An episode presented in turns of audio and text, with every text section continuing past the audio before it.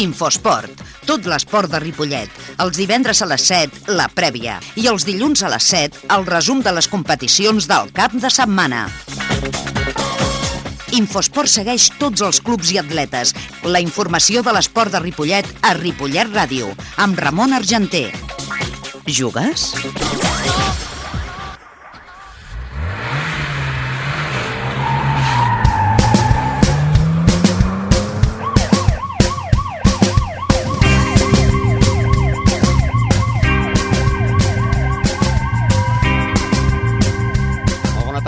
sintonia del 91.3 de l'FM comencem ja el programa d'Infosport del divendres. Ja sabeu que el dilluns era festiu i va per programa, però això no vol dir que avui no sapiguem el que va passar el dilluns, sinó que tot, ho tenim aquí tot anotat i anem a fer un repàs per aquella gent que hi hagi algun despistat que no s'hagi enterat, hem de dir que el Ripollet doncs, va guanyar 0-1 al camp del Canovelles i que el dilluns va haver la presentació de 21 equips que la Penya Martí Pajaril va guanyar 2-1 al Bartino i que la de Fut i el, i el Roureda es va suspendre el partit perquè no va venir l'àrbit. L'equip del Mollet va guanyar a l'Esdila, eh, doncs el Mollet va perdre davant de l'Esdila per 2 a 4, mentre que l'equip de la de Fut femení va, va perdre a casa davant de l'Europa per 0 a 10. Perquè fa el futbol sala, el futbol sala Ripollet, Lliga Nacional, el Ripollet, a faltar 5 dècimes per acabar el partit, va guanyar l'Escola Pia Sabadell per 6 a 5. El Ripollet B va guanyar el Sant Feliu, anava guanyant i al final va perdre per 3 a 4 davant del Sant Feliu la presentació, podríem dir, oficial. A la món del bàsquet, el Club Bàsquet Ripollet de la Copa Catalunya va guanyant el Pineda per 75 a 72, mentre que el Ripollet, l'equip B de la tercera categoria també de la Copa Catalunya, va perdre contra el Balsareny per 53 a 63. El bàsquet tercera territorial, el Sant Olià de Ronçana va perdre davant del Gasó Caixa Girona per 65 a 77, mentre que el Lavell Gasó guanyaven a la pista del Montigalà Badalona per 65 a 79. Perquè fa el bàsquet femení, el Ripollet B perdia davant del Ronçana 23 a 39 i el Ripollet de hockey perdia davant del Mollet de Vallès per 7 a 6 també en l'últim minut del partit. Començava la Lliga de Tenis Taula. El Finca Ripollet guanyava la Fotoprix Vic per 5 a 1. El Finca Ripollet de la primera divisió nacional guanyava la pista l'Ateneu per 2 a 4, mentre que el Ripollet Verdolai de la primera divisió nacional guanyava la pista al Vilanova i la Geltrú per 3 a 4 i el jove equip de la segona nacional, el Ripollet Verdolai perdia la pista de Vilafranca del Penedès per 6 a 0. Avui tindrem, doncs, declaracions també dels entrenadors del Club de Futbol Ripollet, Jordi Muñoz, d'Antonio Linares, de l'Esdila, Antonio García, president de l'equip del Club de Futbol Futbol Sala Ripollet, que és una gravació que vam efectuar mentre faltaven pocs pel partit, a la que estava un partit molt interessant entre el Ripollet i l'Escola Pia Sabadell. També parlarem amb Roma López abans de començar el primer partit oficial del Finca Ripollet davant del Fotoprix Vic a la divisió d'honor femenina. I pel que fa a l'esport base, Norma i Miguel ens portaran doncs, a protagonistes de l'equip infantil la de Fut, Adrián Segura, que és entrenador, Rubén Cárdenas i la jugadora Mel Melania García. Tot això en parlarem a la recta final del programa. Ara anem a recordar doncs, que el Ripollet va guanyar 0-1 a Canovelles, que va marcar el gol Ilzarbe, que és un defensa clavat al piqué i que a més a més marca gols com el Piqué perquè en porta 3 i això que juga de defensa central i que els resultats van ser Palafrugell 1, Mollet 2, Eh, Sant Hilari 2, Palau 1, Sant Feliu Premià de Mar empat a 0, Aigua Freda 2, Vilassar del 1, Farners 1, Tona 3, Lloreda 1, Olot 3, Manresa 0, Granollers 2, Vic 5, Serranyola 0 i Canovella 0, Ripollet 1, gol d'Illtarbe. El líder és l'Aigua Freda que té 15 punts, els mateixos que l'Olot. El Ripollet és tercer amb 12 punts, els mateixos que el Mollet, amb 10 punts per la Frugell i Tona amb 9 punts Farners, amb, amb 7 punts el Vic, el Granollers, la Premià Dalt i el Vilassar de Dalt, amb 4 punts Faninari i Manresa, i en zona de descens directe el Sant Feliu, amb 4 punts, Lloreda amb 2, Palau amb 1, Canovelles amb 1 i Serranyola eh, tanquen el lloc número 18, en aquest cas baixaria automàticament només amb un punt. Aquest cap de setmana és que el Ripollet va jugar fora i el nostre company eh, Miguel Molina va anar, doncs, a veure el partit on el Ripollet guanyava eh, per 0-1 i a l'acabar el partit parlava doncs, amb el seu entrenador Jordi Muñoz que deia que era molt difícil i que es tenia que sofrir per guanyar. Hay que sufrir fuera para ganar en todas partes. Lo que pasa que aquí es un equipo que, claro, necesitaba los puntos y un equipo muy correoso, muy duro. Y bueno, hay que ver ¿no? lo que ha pasado, que se ha tenido que llevar al hospital a Cristóbal. O sea que ahí te demuestra lo duro que ha sido. Cristóbal sí que es cierto que después del golpe que ha recibido el codazo ha cambiado, ¿verdad? Hombre, tenía una brecha en la cabeza y el chaval estaba asustado, como es normal. Pasa que querido intentar aguantarlo porque es un jugador que en cualquier momento te puede meter el gol, pero no estaba como tiene que estar. Y al final del partido muchos nervios, ¿no? Se ha mirado el reloj muchas veces.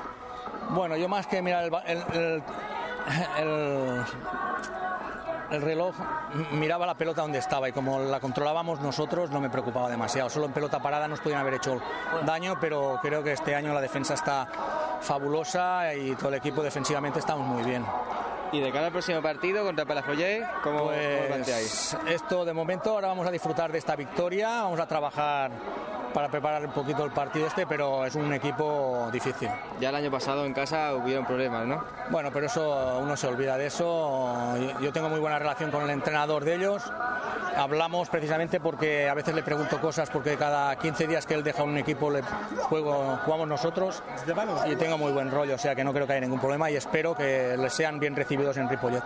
¿Y el parte de lesiones cómo está para la semana que viene? Pues de momento si se añade a Cristóbal tenemos cinco bajas. Pero pues a todo confía en el equipo que tiene, ¿no? Sí, sí, para eso están todos. Hoy teníamos un banquillo de 19 años. Muy O joven. sea, lo demuestra todo. Da oportunidad a la base entonces. Exacto. Bueno, muchas gracias. Futbol. Futbol. A l'ajuda de Cristóbal, que, doncs, eh, a més a més, és un dels golejadors. Aquest cap de setmana, com deien, doncs, el Ripollet jugarà contra el Palafrugell. Els partits de la sisena jornada serien Mollet, Manresa, Palau, Canovelles, Premià, Sant Hilari, Vilassar, Vic, Tona, Aigua Freda, Olot, Farners, Granollers, Lloreda, Cerdanyola, Sant Feliu i Ripollet, Palafrugell, en el camp municipal d'esports de Ripollet. Un eh, Palafrugell que la setmana passada doncs, perdia a casa davant del Mollet per 1 a 2. Un Palafrugell que és quart a la Lliga amb 10 punts davant d'un Ripollet que és tercer amb 12 punts. El diumenge a les 12, Ripollet-Palafrugell, eh, sisena jornada de la categoria preferent del món del futbol.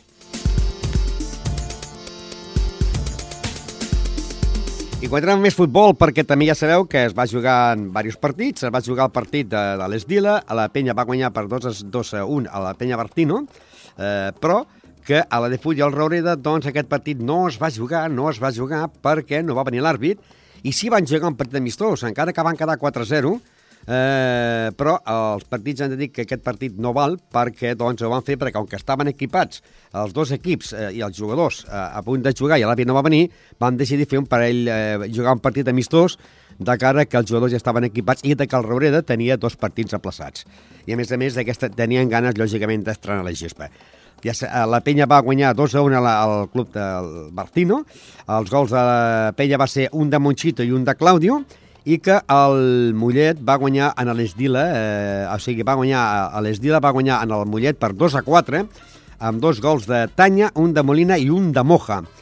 I eh, també hem de dir que anirem a recordar les paraules de l'entrenador Antonio Linares, que és el nou entrenador de l'Esdila, que, clar, eh, li preguntava que tenien que anar a jugar eh, al camp del Raureda un partit que no es va jugar, aquell partit que es tenia que jugar eh, i que es va aplaçar per la mort accidental d'aquell nen de 9 anys de l'equip de Can Rull, aquest partit es va suspendre i va jugar aquest dimecres. Però aquesta entrevista que anem a recordar amb Antoni Linares, jo li preguntava, dic, bueno, clar, eh, estareu més preparats i tindreu més entrenaments perquè haureu jugat aquest, aquest di- dissabte, haureu jugat a Mollet i a més a més podeu anar a jugar eh, al camp del Roreda però aquesta entrevista és abans de que, després del partit, guanyés a l'equip del Roreda per 6 a 0. Anem amb Antonio Linares. Bueno, y aparte de los entrenamientos, vamos, yo creo que iremos mejor preparados que este domingo íbamos, pero bueno.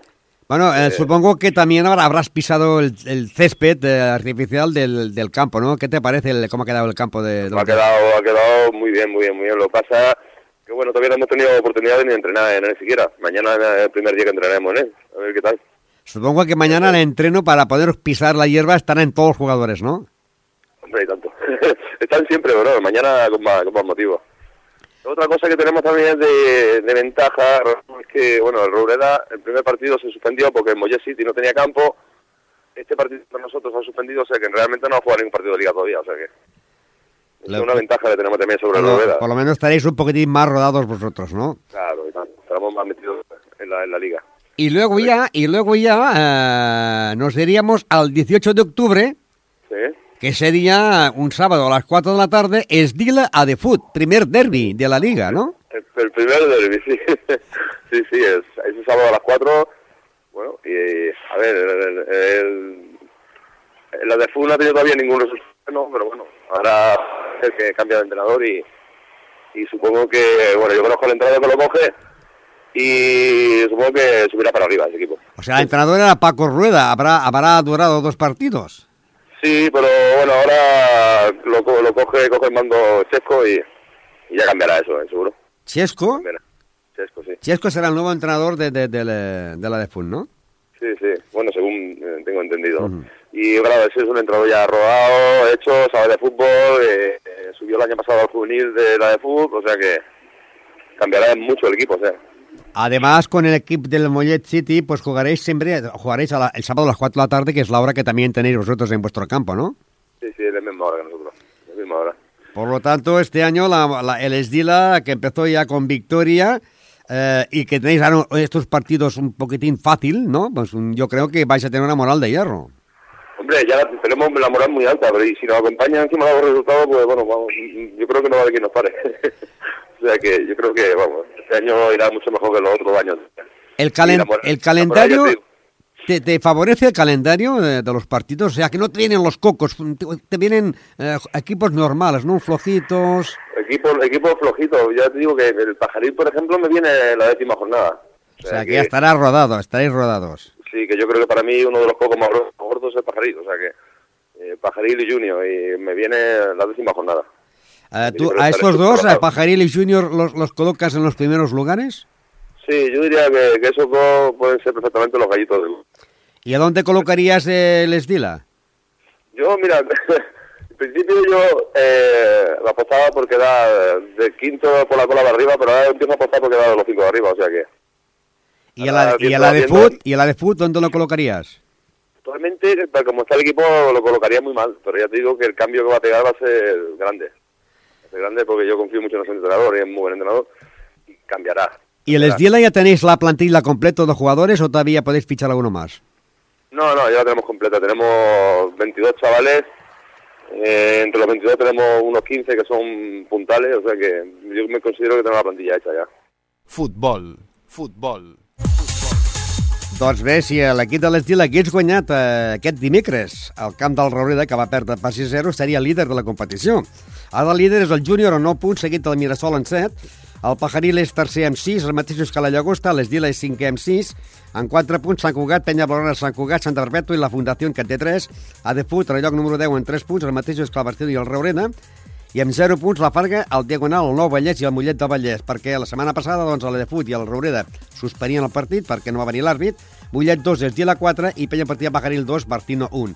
I aquest cap de setmana jugarien a l'Esdila contra la de Fut. Serà eh, aquest dissabte a les 4 de la tarda Esdila a de Fut, eh, primer derbi, i eh, el partit de la Penya Partida Pajaril contra l'equip de la Farga jugarien el diumenge a partir de les 12 del de matí a la pista o al camp de la Farga. Deixant ja el món del futbol, parlant de la de fut femení, que la setmana passada perdia davant de l'Europa per 0 a 10, i que el líder és l'Europa amb 3 punts, és l'estem parlant de la primera jornada, el Sant Graviel és segon també amb 3 punts, i el de Fut, com a equip més golejat, ocupa la plaça número 16 amb 0 punts. I aquest cap de setmana jugaríem dissabte a partir de les 7 de la tarda, Sant Graviel, que és segon a la Lliga, un Sant Graviel que és segon amb 3 punts, un Sant Graviel que va guanyar 0 a 7 al camp del Sant Vicentí, doncs jugarà contra les noies del senyor Tinoco. Sant Graviel a de Fut. Futbol sala. Futbol sala.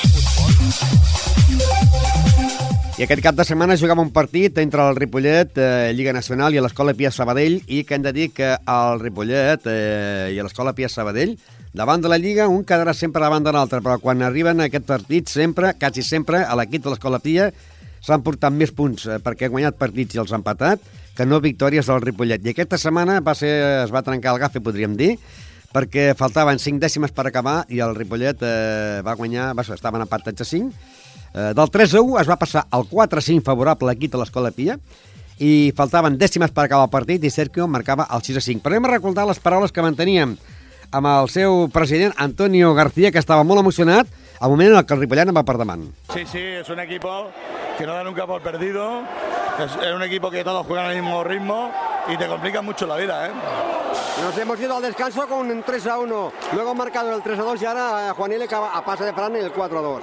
Sí, sí, con el 3-1 hemos tenido 4 o 5 por día, no, no hemos matado el partido y esta gente ya lo sabemos, que tiene un ritmo diésel, pim pam, pim pam y siempre juega a un ritmo alto, ¿eh? Faltan 9 minutos para que termine el partido, eh, 11 minutos. ¿Te atreves a decir el resultado o no? Hombre, yo creo que vamos a ganar, ¿no? Pero que nos va a costar porque esta gente, ya te digo, no da hasta el último minuto del partido por perdido. O sea que se rompería el gafe, ¿no? Porque casi siempre nos ganan, ¿no? Sí, sí, a ver si ahora lo conseguimos. Yo creo que sí. ¿Ese equipo lleva mejor equipo este año o el año pasado? No, no, eh, quizá tiene, no tiene el equipo tan explosivo como el año pasado, pero lo tiene más compensado. Eh, no se notan tanto los cambios como otros años. Y el lunes es festivo, pero hay algo especial, ¿no? Sí, el lunes hacemos una presentación de todas las categorías y bueno, eh, este año tenemos dos equipos más, que son los cadetes y los infantiles. Y bueno, va a ser la fiesta de- del fútbol sala Ripollet. ¿A qué hora empezará el acto? Bueno, en sí empieza todo a las 10 de la mañana y, y lo que es la- en sí la presentación, después de la- a las 5 y media, empezaremos la presentación con todos los equipos aquí. Además, además habrá también partidos, ¿no? Oficiales, ¿no? Sí, hay partidos oficiales. Ya te digo, el, el juvenil juega a las 10 y media, después el infantil, después el cadete, descansamos para comer. A las 4 y media empieza el, el senior B y después el primer equipo. Y entre medias hacemos una presentación. ¿Y el rival? Los- todos los rivales de los equipos inferiores son el Marfil, que hay buena relación con ellos, y después nos viene el Centellas, que ha hecho un equipazo este año, pero está en otro grupo, gracias a Dios. Vale la pena venir aquí en el pabellón, ¿no? Hombre, ver este año al Centellas, yo te lo digo que hoy por hoy es uno de los equipos más, mejores que hay en la Nacional A.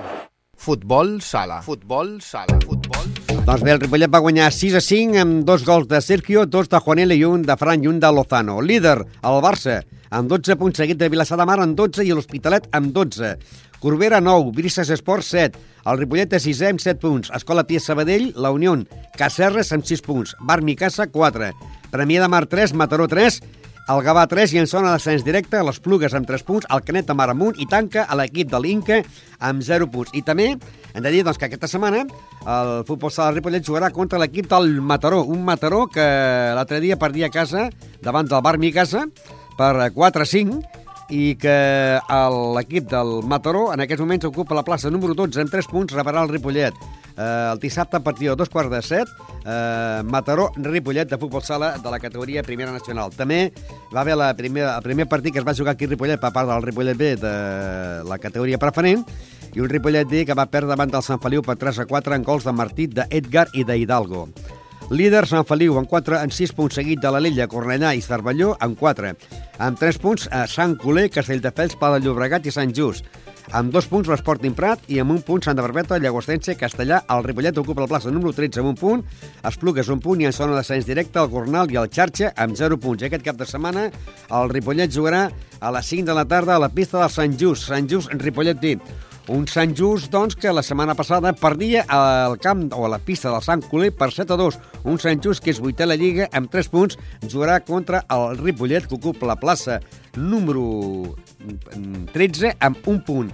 Continuem amb més futbol sala perquè aquesta setmana comença la primera jornada corresponent a la primera divisió femenina del món del futbol sala. Ja sabeu que el futbol sala Ripollet doncs, té, o sigui, el Can Clos té dos equips, a l'A i el B, l'A eh, milita la divisió de plata, no comença la Lliga fins al mes de novembre, i aquest cap de setmana comença ja la primera divisió nacional.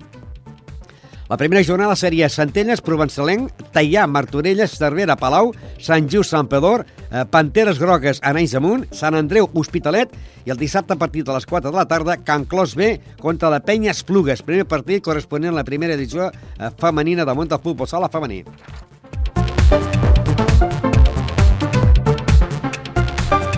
Hockey. Hockey.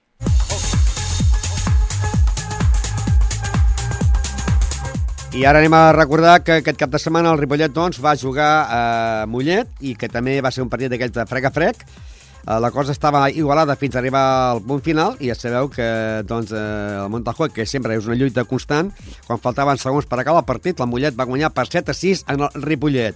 La resta de jornada va ser Folgueroles 3, Cornellà 1, la Salle 9, la Garriga 5, Tona 8, Sant Manà 3, Tarradell 4, Voltregà 8 i Mollet de Vallès 7, Ripollet 6. Encapçar la classificació al Congrés amb 9 punts, els mateixos que la Salle Bonanova.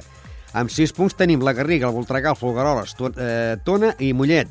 Amb 3 punts, Tarradell i Ripollet i Bartino. I també el Cornellà. I amb 0 punts que encara no s'han estrenat, i estem parlant de la quarta jornada, estan el Gamma, el Sant Manat i el Sant Just. I aquest cap de setmana se jugaria la jornada número 5 i la jornada número 5 el Ripollet ha descansat 3 partits. Seria Voltregà, Mollet, Folgueroles, Bartino, Congrés, Tarradell, Gamma, Sant Just, Cornellà, La Garriga i Ripollet eh, de, té jornada de descans. Hem de dir que cada setmana descansen diversos equips i la primera jornada el Ripollet va descansar perquè el partit entre el Ripollet i el Tona es va ajornar amb motiu de que es feia el torneig de, de hockey base i per això aquest partit encara no se sap quan se jugarà. Amb vol. Amb vol.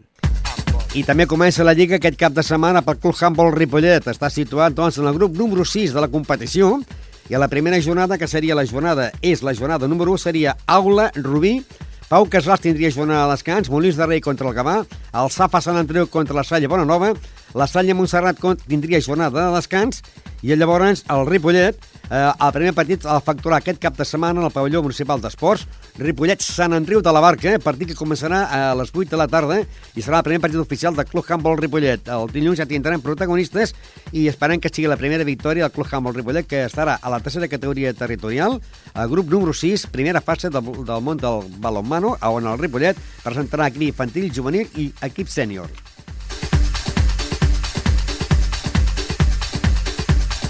Tenis taula. Tenis taula. I anem al món del tenis taula perquè aquest cap de setmana també començava ja les diferents lligues nacionals on el tenis taula Ripollet doncs, tindrà dos equips de femení, un equip de femení divisió de plata, eh, o sigui, divisió d'honor, i un equip a la primera divisió nacional, i llavors un equip masculí de la primera nacional i un equip de segona nacional.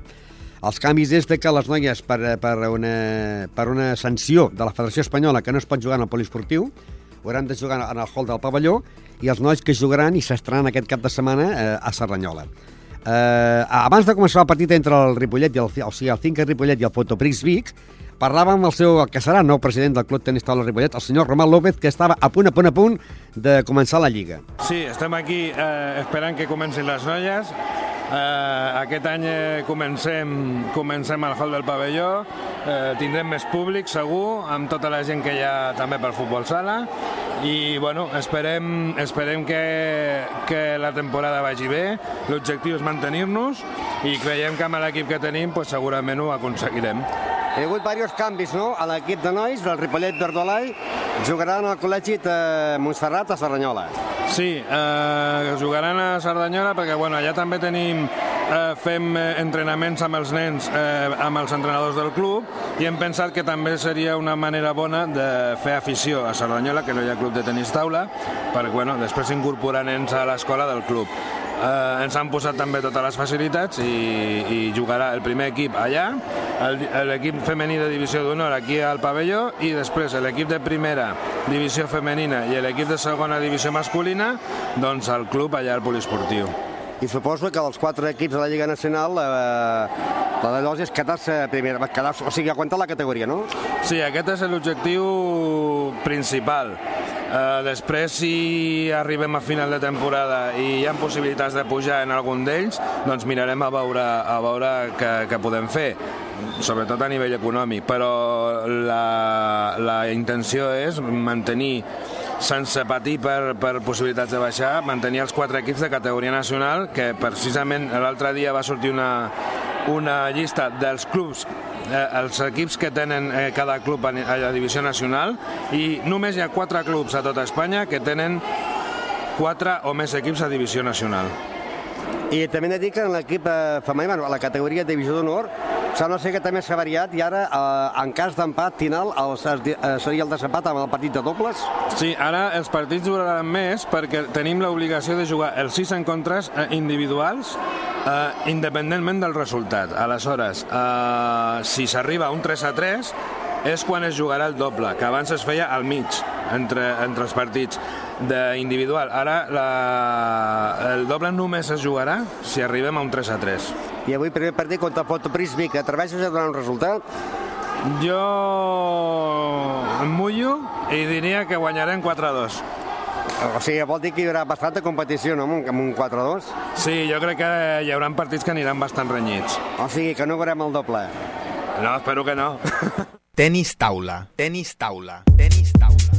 Doncs es va jugar la primera jornada i el Mediterrani de València va guanyar a la Vilés per 4-2 i el Requena de València també va guanyar a la Vilés per 4-2. El Lecanea d'Irun va jugar contra l'Atlético Sant Sebastián i va guanyar per 4-2 i el Calella va guanyar 4-2 al Bàscara de Girona i el Finca Ripollet guanyava 5-1 al Fotoprits Vic. La propera setmana, aquesta setmana, eh, eh, l'equip de, de noies jugarà el diumenge a les 11 al camp de, o la pista del Bàscara de Girona. Hem de dir també que les noies de la primera divisió nacional, que és un dels equips més joves d'Espanya, varen guanyar 2 a 4 a la pista del Ateneu de Sant Joan d'Espí. La classificació, que estem parlant de la primera jornada, l'encapçala el Finca Ripollet amb dos punts, el Requena de València dos punts, Mediterrani de València dos punts, Calella també dos punts, l'Ecanea d'Irun dos punts, Balaguer 0, que va tenir jornada de descans, Bàscara de Girona 0, Atlético San Sebastián 0, Avilés 0 i Fotoprix Vic 0. Les noies eh, de Primera Nacional varen doncs, guanyar aquest partit de, de 2 a 4, però com que va fer millor coeficient el Mataró, que va guanyar guanyant el Fotoprix Vic per 6 a 0, doncs líder és el Mataró en 2 punts, seguit el Finca Ripollet en 2, Falcons amb 2, Caçà de la Selva 0, Santa Eulària d'Eivissa amb 0, Calella 0, Ateneu 0 i Fotoprix Vic amb 0 punts.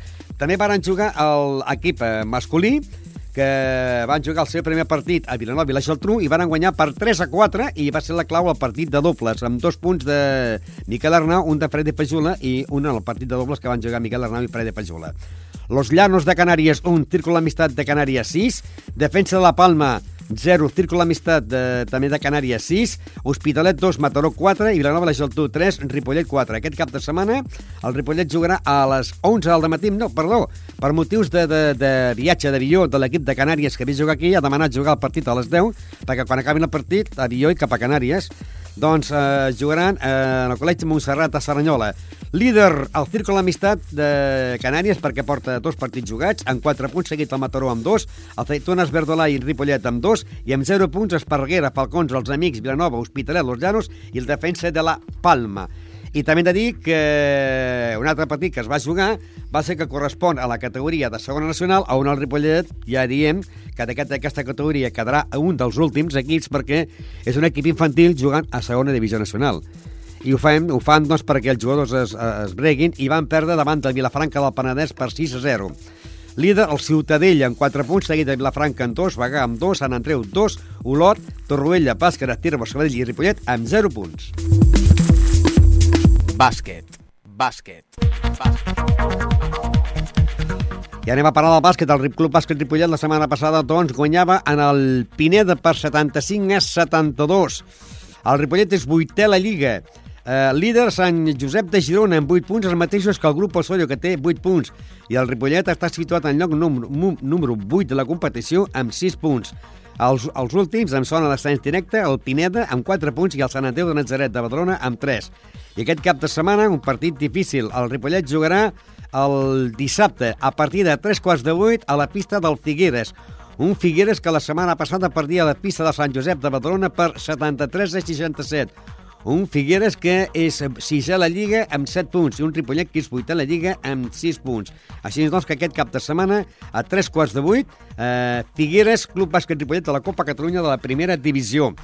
Perquè fa eh, a la tercera categoria també Copa de Catalunya, el Ripollet B la setmana passada perdia a casa davant del Balsareny per 53 a 63 i el Ripollet ocupa la plaça número 14.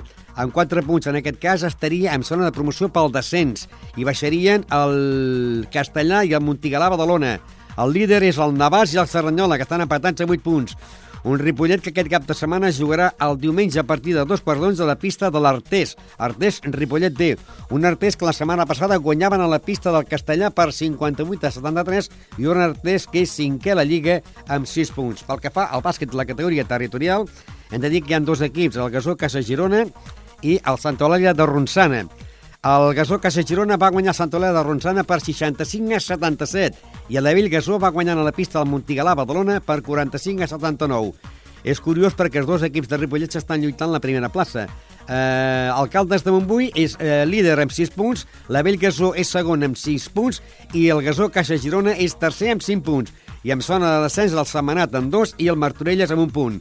Aquesta setmana s'enfrontarien el Gasó Casa Girona, jugaria aquest diumenge a partir de dos quarts de 10 contra el Santa Perpètua B, un Santa Perpètua B que va perdre per 59 a 78 i que el Santa Perpètua B en aquests moments és, eh, podríem dir, el, el lloc número 10 de la competició. I un Avell Gasó que jugaria el diumenge a les 11 contra el Badalonès i que el Badalonès la setmana passada doncs, eh, perdia el seu partit. Un Badalonès que eh, és cinquè a la Lliga amb 5 punts i un eh, Abell Gasó que és líder amb 6 punts. Aquest partit començarà a les 11 del matí. I per acabar el món del bàsquet hem de dir que el club bàsquet eh, femení Ripollet la setmana passada perdia davant de Sant Olera de Ronçana per 23 a 39, que el líder és el, el club bàsquet Xamba, el Ronçana eh, i Llavaneres, i també el Premi de Mar en 4 punts, i que el bàsquet femení Ripollet, que és un equip del Gasó, està situat en el lloc número 7 de la competició amb dos punts. I aquest cap de setmana jugarien a les 7 de la tarda davant d'un dels equips més antics de la competició i amb les noies més veteranes, com és l'equip del Mar Martí Juràssic. Aquest partit començaria a les 7 de la tarda, Bar Martí Juràssic contra el bàsquet femení Ripollet. L'equip del Martí Juràssic, per sorpresa, ocupa la plaça número 10 amb un punt i el bàsquet femení Ripollet a la plaça número 7 amb dos punts.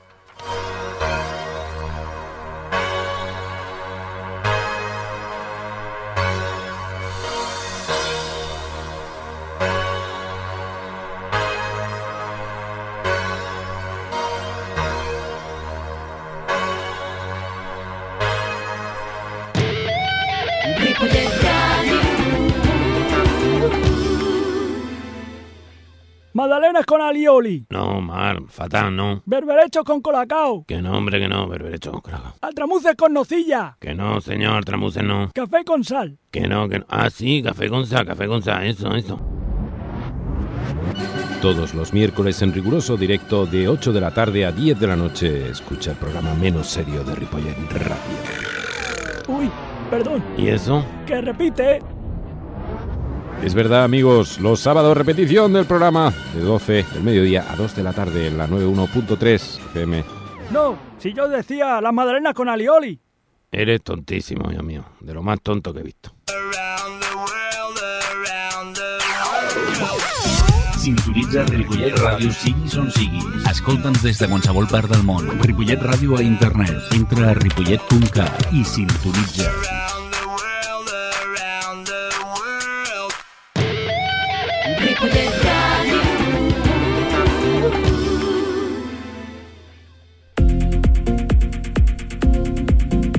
I abans d'entrar amb la secció que presenten Miguel i Norma Norma Miguel, doncs eh, anem a recordar que també hi ha el Club Ciclista Ripollet que fa la penúltima sortida de la temporada.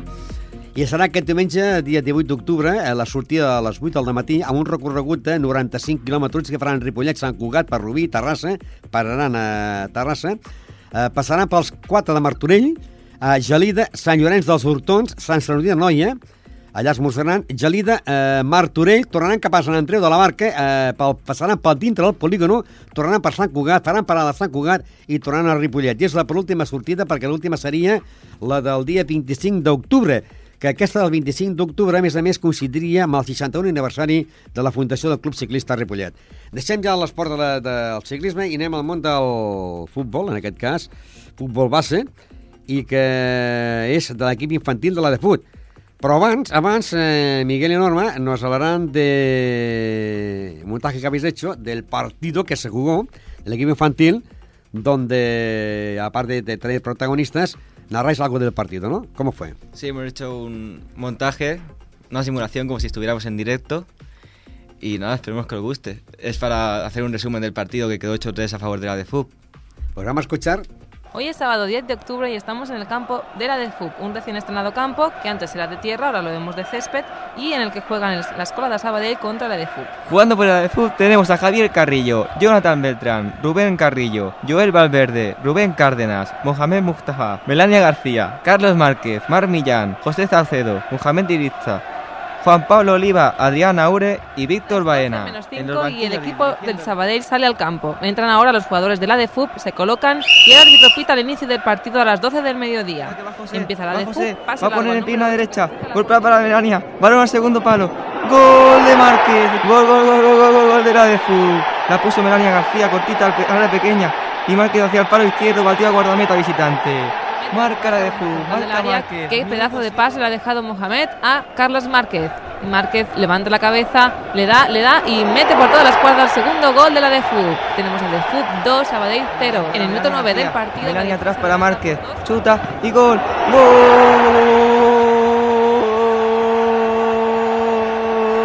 de la de FUB. ¡Qué pedazo de jugada! Mar Melania, Melania Márquez. Y con la pierna izquierda bata a guardameta visitante.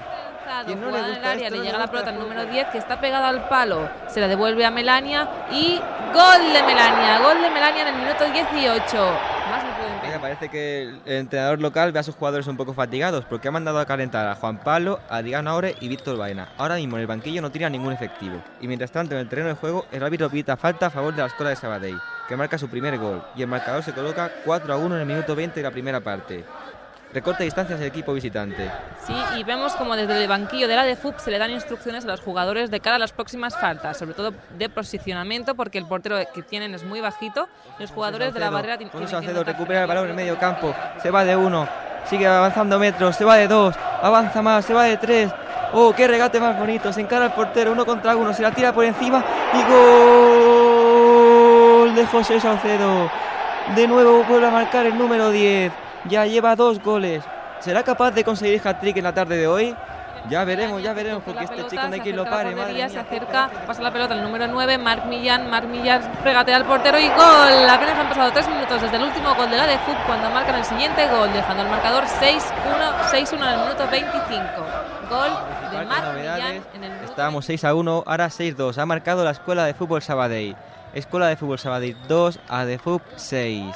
Justo después del gol, el entrenador daba instrucciones al portero y a la defensa, que les dijo que marcara bien al número 9 de Sabadell, ya que era el más alto y el que más daño podía hacer a la portería de Javier Carrillo. Bueno, pero en realidad no tiene nada de lo que preocuparse porque el marcador vaya 6-2 y los jugadores mira, del mira, mira. Márquez, Márquez, Márquez. Tira el del Márquez, José Salcedo. Y gol. Gol de la de Fútbol. Qué pedazo de jugada. Qué honrado es Márquez, que se le ha querido dejar a José Saucedo para que marque el primer hat-trick de la tarde. Marca de Fútbol. Marca Saucedo. 7-2 en el municipal. Minuto 30 de la primera parte. A de FUP 7. Acaba la primera parte. Llegamos al minuto 35 y el resultado es de 7-2 a favor de los locales, a favor de la naranja mecánica. A de FUP 7, Escuela de Fútbol Sabadell 2. Aparte hay que decir que no solo son los goles, sino que la de ha controlado el partido de principio a fin. Qué suerte tienen Peri y Adri de tener a estos jugadores. salen los equipos al terreno de juego. Empiezan a calentar esperando al árbitro que acaba de salir y pita al principio de la segunda parte. Empieza la segunda parte en el campo de la de fútbol. A ver cómo se portan ahora los chicos, porque igualmente llevan un 7-2 de la primera parte y será muy Adrián, difícil. José Saucedo. ¡Gol! ¡Qué pase de Adrián con el exterior del pie izquierdo! De rosca hacia afuera. Marca de Fug, marca Saucedo. Un gol sin ángulo. Sin duda el dorsal número 10, uno de los jugadores del partido, junto con Rubén Cárdenas. 35 es la una y media y el árbitro pita al final del partido. Quedamos 8-3 a favor de la de FUP, que ha controlado el partido, aunque ha bajado un poco su rendimiento durante la segunda parte. Aunque hay que recordar que ha marcado 7 de sus 8 goles en la primera parte, y así se lleva los 3 puntos que le ayudan a subir en la clasificación. Vamos ahora a preguntar a los protagonistas del partido. Bueno, pues un partido bueno, porque no se ve siempre 8, ocho goles, ¿no? 8 a 3. Sí, fue un partido bastante difícil para no comentar, porque fue la primera vez que hicimos este corte, este, esta experiencia. Esta era una experiencia larga. que hemos hecho de prueba hoy y lo haremos cada, cada viernes. Sí, el cada- deporte que se haga, haremos un resumen de, de- de lo que ha sido el partido, Sí. unos 5 minutos o 4 minutos de cómo ha sido el partido y luego pues con los protagonistas, ¿no? Eh, ese equipo ganó 8 a 3, mientras que las chicas estrenaban césped y pedían eh, 10 euros frente a uno, el Europa, que son los equipos gallitos, ¿no? Pero más a más tenemos protagonistas, ¿no? Sí, tenemos al entrenador, que Sí, lo va a al presentar Norma. entrenador, que es Adrián Segura, que de 18 años, y que es uno de los entrenadores de la DFUP, junto con otro chico que es Marc Periañe. Y entonces, bueno, hablamos con él después del partido y esto es lo que nos dijo sobre, sus, sobre cómo vio a su equipo después, bueno, en el terreno de juego. Están muy verdes los niños. Bueno, lo- llevan poco, no han hecho ni pretemporada ni nada. Y bueno, le falta toque, le falta posicionamiento, le falta fuerza, resistencia, Porque no tener pretemporada, ¿en qué os ha afectado? en todo, en todo, en todo. Si le hace falta correr, aguantarse en el campo. Le pegan, sí, mm, no pueden, con, con ellos mismos no pueden. Porque no tenéis pretemporada porque el, el campo es nuevo, ¿no? Sí, el campo hace, pues no llega, no sé si son tres semanas, no llega el mes de que está el campo. Y hemos tenido que entrenar pues allá abajo en el campo del Ripollet o si no aquí en el colegio. Y no, no se puede hacer nada. ¿Qué os parece el nuevo campo? Como bien, bien. Bien, bien, me parece muy bien, está muy guapo y me parece que a mí es de los mejores, del Vallés. Sí. ¿Mejorarías algo? del campo. ¿Del campo? Sí, bueno, la iluminación, falta el medio del campo y en el medio del campo falta más luz, falta más luz. ¿Has entrenado alguna vez a equipos que no tuvieran césped en tierra? Sí, aquí, aquí cuando estaba el campo de tierra pues estuve entrenando yo también. ¿Y qué cambia entre entrenar a, bueno, a los niños en césped o, o en qué cambia el juego? Hombre, cambia en... El balón corre más, el eh, césped no derrapa, por lo tanto no derrapa, puede, puede hacerte mucho daño. Se te pueden quedar la- los músculos, se te pueden agarrotar y no, no te quedas clavado, no puedes. ¿Cuál crees que ha sido vuestro punto débil en el partido de hoy? El porterito, porque no tenemos portero, lo hemos cogido a Levin y era, era pequeñito, pero bueno, se ha defendido bien. Lo que, ha, lo que ha podido hacer bien lo ha hecho bien. ¿Que seguirá el portero con vosotros? No lo sabemos. Pues a ver, tiene que estar con su equipo, a ver si buscamos nosotros uno o cogemos un jugador de campo y lo ponemos de portero. Pero coger un jugador de campo para ponerlo de portero también es perder. Sí, perdemos, perdemos porque... Pero tampoco perder porque necesitáis portero. Sí, también, perdemos uno y ganamos otra. Mm. Pero bueno. ¿Y vuestro punto fuerte? ¿Cuál creéis que ha sido? Punto fuerte. La punto fuerte la banda izquierda. Pues un chaval rápido, fuerte, tiene buena pegada al balón y es el que más destacó en el partido. Metió varios goles. El 10, el- ¿no? Sí, el 10, sí. ¿Es el primer año que te das a este equipo? A este sí. ¿Cuánto tiempo llevas entrenando? Pues con esta ya dos semanitas. Sí, lo hemos cogido hace dos semanitas al equipo. La temporada pasada hicieron 104 goles. ¿Creéis que esta temporada vais por el camino o podéis mejorar? O... Bueno, habéis hecho 8, o sea que... Bueno, ya ocho en el primer partido ya se puede, se puede. Si se puede conseguir, mejor. Porque Si no- vuestro objetivo cuál es? Objetivo, si se puede, man- eh, si se puede subir, si no, pues arriba, quedas arriba. Bueno, las palabras de Adrián Segura, uno de los jóvenes entrenadores, ¿no? Sí, sí, con 18 años ya está ahí entrenando. Bueno, lleva dos semanas solo con este equipo, pero bien. Y además más ayuda a Mar Periáñez, que Mar Periáñez es jugador también de, de la de fútbol, de la tercera territorial. Sí, además Adrián también juega, lo que pasa que nos dijo que estaba lesionado en la rodilla, en el menisco. O sea que... Tenemos más protagonistas, ¿no? Sí, tenemos al jugador del partido que fue Rubén Cárdenas. Su posición natural es medio, pero como es una plantilla muy corta de so- tan solo 13 jugadores, tuvo que jugar central. Pese a todo lo hizo muy bien y cortó muchos balones. Y ahora nos va a contar lo que le falta para coger el ritmo de competición a su equipo. Nos falta mucho el toque de balón todavía y el físico, que a la media parte ya estamos cansados. Eso porque no estoy acostumbrados todavía al terreno de juego este. Sí. Se nota mucho el cambio. Uf, un montón. ¿Y la segunda parte qué pasó? Que se bajó el ritmo de los goles que llevabais tan bueno. Porque todo el mundo tenía ansia de gol y nadie bajaba. Faltaban muchas ocasiones y no sé. Cuando llegábamos siempre intentábamos chutar, no meternos hasta adentro. Y con vuestro portero, tú que eres defensa, ¿te sientes seguro con él en la portería? Sí. No es nuestro portero de la Levin, pero sí, ¿Estáis contentos con él? sí. ¿Y qué es lo que le falta para poder quedarse aquí definitivamente? Aparte de la edad. Y la altura, pues nada, es bueno. En tu equipo que hay que mejorar. El, to- el toque de la- del balón y la posi- posicionamiento. ¿El entrenador qué tal? Bien, el primer año que lo tenemos, está bien. ¿Estáis contentos con él? Sí. ¿Qué os dice cuando empezáis un partido para entrar? Eh, pues que intentemos jugar bien y si podemos ganar, ganamos, si no. ¿Y el ambiente en el vestuario cómo es? Bueno, ¿Os lleváis todos bien? sí, Eh, aparte del fútbol, ¿estáis juntos en algún otro momento del día? a veces. En el Vais- cole o en... ¿Siempre jugás en la misma posición de central? No, ¿Dónde sueles jugar? de medio, ¿Y cuál te gusta más? ¿Qué posición? medio. De medio, ahí vi un- yo conocía a una que jugaba de medio. ¿De medio que de medio estorbo? Sí, hay Ah, muchos, para el sí. campo estorbando, ¿no? Esta juega de medio y un buen medio que además marca goles, ¿no? Sí, es muy bueno, marcó un gol siendo central y lo hizo bastante bien atrás. Y ahora tenemos una chica dentro del grupo de chicos, ¿no? En el equipo de chicos juegan a chicas. Sí, tenemos O un caso- O, o juegan más chicas. Eh, en este equipo de chicos solo juega una chica. Una chica, ¿no? Son casos puntuales que van surgiendo cada cierto tiempo. Y esta vez Melania García, que desde que nació nos contaba que ya estaba pegada a un balón de fútbol. Y ahora nos va a contar por qué le gusta tanto el fútbol. Porque, no sé, empecé a, a jugar con el balón y... Por ti, chaval. Mira, Desde pequeña, desde que naciste, ya tenías un balón, ¿no? sí, Preferías el balón antes que la muñeca. sí. ¿Cuándo empezaste a jugar? Pues con los nueve o ocho años. ¿Nos puedes contar tu trayectoria desde los 8 años hasta ahora, hasta los 12? Pues primero empecé con fútbol sala hasta ahora y jugué en el Badía de niñas y en el Ripollet de niños de fútbol sala. ¿Por qué dejaste fútbol sala para venirte aquí al fútbol 11? Porque pensé que, no sé, que se me iba a dar mejor el fútbol 11 que el fútbol sala ¿Cuándo llegaste a este equipo? Este año. ¿Te sientes integrada ya en el equipo? Sí, ¿Te respetan los compañeros? sí. ¿Qué te parece esto de jugar con niños? Bueno, hasta que hagan el equipo de niñas de... no sé, bien, ¿El partido cómo lo has visto? bien. Nos falta un poco de toque de balón, ¿De físico bien? sí, ¿Qué esperáis el próximo partido contra la Rureda? ganar Eh, ¿Tenéis alguna baja en el equipo o estáis todos? una, una baja. También parece que hubo lesiones, ¿no? En ese partido. Sí, se lesionó el dorsal número 10, José Saucedo, que se hizo daño en la rodilla y fue precisamente el máximo goleador del partido.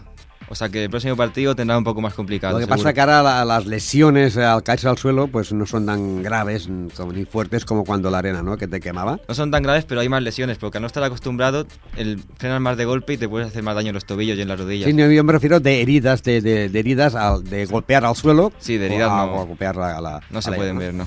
Pues tenemos también las clasificaciones, ¿no? Desde grupo. Pues sí, la de FUB ganando 8-3 se coloca segundo en la clasificación, que está empatado con el líder, que es Can Rull. Y en el mismo grupo además tenemos al Ripollet, que va después, que va noveno después de perder 2-3 contra el Sardañola. Entonces, la- en la próxima jornada, la de FUB juega contra el Roureda, que va último en la clasificación y viene de perder contra el Can Rull por 10-1. Y el Ripollet juega contra el Sabadell North, que va octavo y que la semana pasada descansó. Pues está bien que en el mismo grupo estén dos equipos de Ripollet, el Ripollet, eh, la de Fur y más a más el, el Sardañola, ¿no? Sí.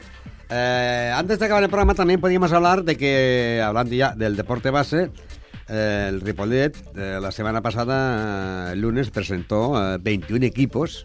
Sí, sí. Y entre ellos, eh, exceptuando el vetera- los equipos veteranos eh, y el primer equipo, los demás todos, pues 19 equipos de- del deporte más. Eh, ¿Qué pasó esta tarde? Pues como en todas las presentaciones se hizo una foto general en las gradas, para empezar. Luego fueron saltando al campo uno a uno los equipos, presentando a los jugadores uno por uno. Y en el centro había un escudo grande del Ripollet hecho por pétalos de flores. Y más tarde salieron los diablos de Ripollet, que hicieron... Sacaron a Poifoc, se llama así, ¿no? Sí. Estuvieron tirando petardos y luego disputaron un partido los prebenjamines. Que este año hay ocho equipos prebenjamines. Y también estuvo la presencia del delegado de deportes, ¿no? Sí, el delegado de deportes y el presidente del Ripollet que tuvo un discurso en el que animó a los jóvenes a practicar deporte, siempre, nunca nada de violencia, y luego pidió a los más mayores, a los cadetes y juveniles, que son los que están empezando a conducir motos y coches, que tengan mucha precaución en la carretera. Pues si te parece, eh, el día que hablemos del Ripollet de fútbol sala, hay de- del deporte base del fútbol del Ripollet, trae las declaraciones de ese discurso, pequeño discurso del presidente. Vale. Eh, y para acabar, eh, eh, eh, hoy hemos hecho una prueba con este partido, sí que ha durado cinco minutos. Los protagonistas de la próxima semana, Serán los jugadores de básquet del, de infantil masculino de San Gabriel. Por lo tanto, eh, escucharéis cinco minutos- unos cinco minutos aproximadamente de lo, lo que es un partido de, de baloncesto en directo y luego con las entrevistas, no? Sí. Sí. Pues ja sabeu que el programa, eh, recordeu que dilluns eh, fem de 7 a 8 un programa, divendres fem un altre programa que és de, també de 7 a 8 i aquest programa es repeteix els dissabtes a partir de les 10 del matí, de 10 a 11. Que tingueu un bon cap de setmana.